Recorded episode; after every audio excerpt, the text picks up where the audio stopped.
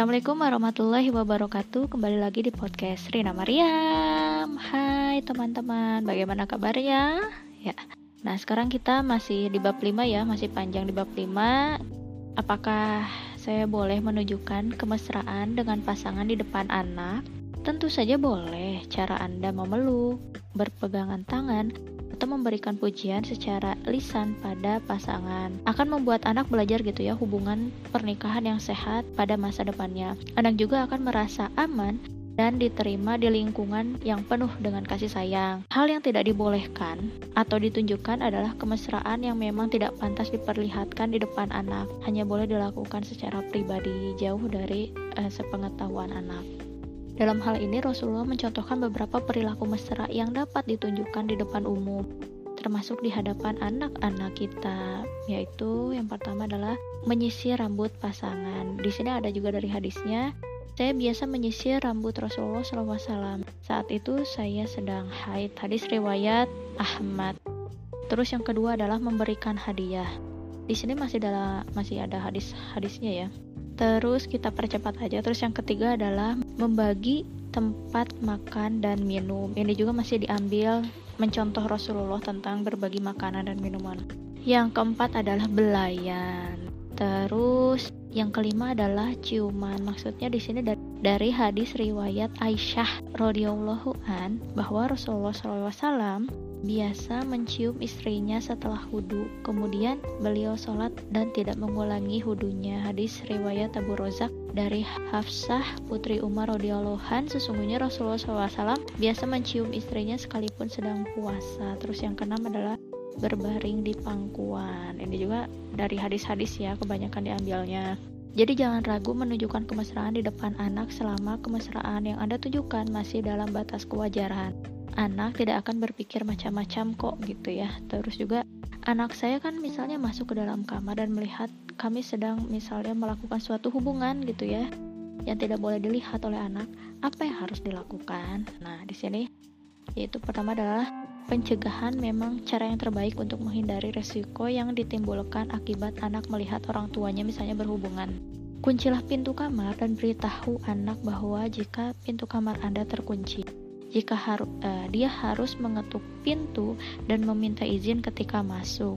Dalam suatu ayat Al-Quran disebutkan, Hai orang-orang yang beriman, hendaklah budak-budak laki-laki dan perempuan yang kamu miliki dan orang-orang yang belum balik di antara kamu minta izin kepada kamu tiga kali yaitu sebelum sholat subuh ketika kamu menanggalkan pakaian ya seperti itulah ya bisa dilihat dibaca lagi di Quran surat An-Nur ayat 58 sampai 59 ini referensinya masih sama sama kayak sebelumnya ya Terus berdasarkan dari dari keterangan tersebut kita dapat memberikan pendidikan kepada anak untuk tidak sembarangan masuk ke dalam kamar orang tuanya menjelang sholat subuh, tengah hari dan setelah sholat isya.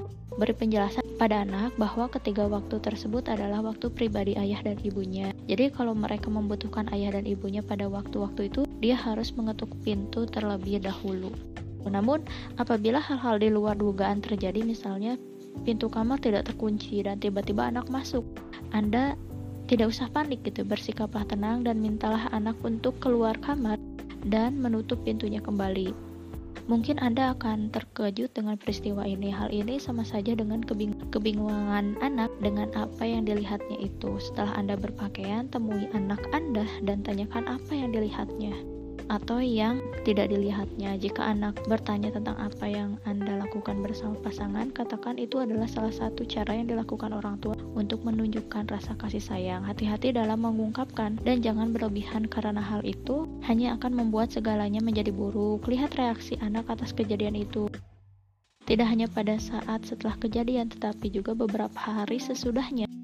Anak-anak yang masih kecil mungkin belum mengerti sepenuhnya apa yang dia lihat, akan tetapi beberapa anak merespon dengan mencontoh sikap Anda. Jangan lupa untuk menyampaikan soal aturan masuk ke dalam kamar orang tua yang telah disinggung sebelumnya. Nah, terus bagaimana nih saya harus merespon indikasi perilaku seksual anak dan mengubahnya atau menjadi lebih baik?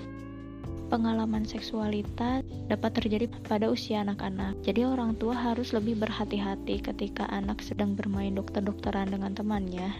dan Anda melihat anak menyentuh bagian yang sangat privat hal tersebut memang jangan langsung diterjemahkan sebagai aktivitas seksual atau penyimpangan seksual. Bisa jadi anak-anak melakukan hal tersebut dengan keingintahuan yang sangat besar tentang seksualitas mereka. Namun untuk menghentikan kejadian itu, orang tua harus berhati-hati.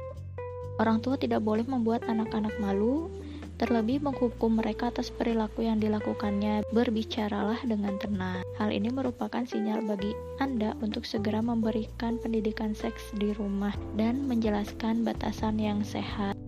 Suatu saat mungkin putri Anda yang berusia 6 tahun bermain boneka dengan temannya dan dia menjelaskan tentang proses melahirkan bayi. Sudah bisa diduga Anda akan terpanjat karenanya apa yang harus dilakukan, putri kecil Anda tidak melakukan kesalahan apa pun. Jadi tidak etis memarahi dia karena hal tersebut. Akan tetapi Anda dapat segera mengganti subjek pembicaraan mereka dan menjelaskan bahwa yang mereka bicarakan adalah sesuatu yang bersifat pribadi. Anda juga dapat berbicara pada orang tua teman anak tersebut agar mereka dapat berbicara pada anaknya. Itu ya, masih bab 5 segitu dulu aja nanti kita lanjut berikutnya ya. Terima kasih sudah mendengarkan. Wassalamualaikum warahmatullahi wabarakatuh. Dadah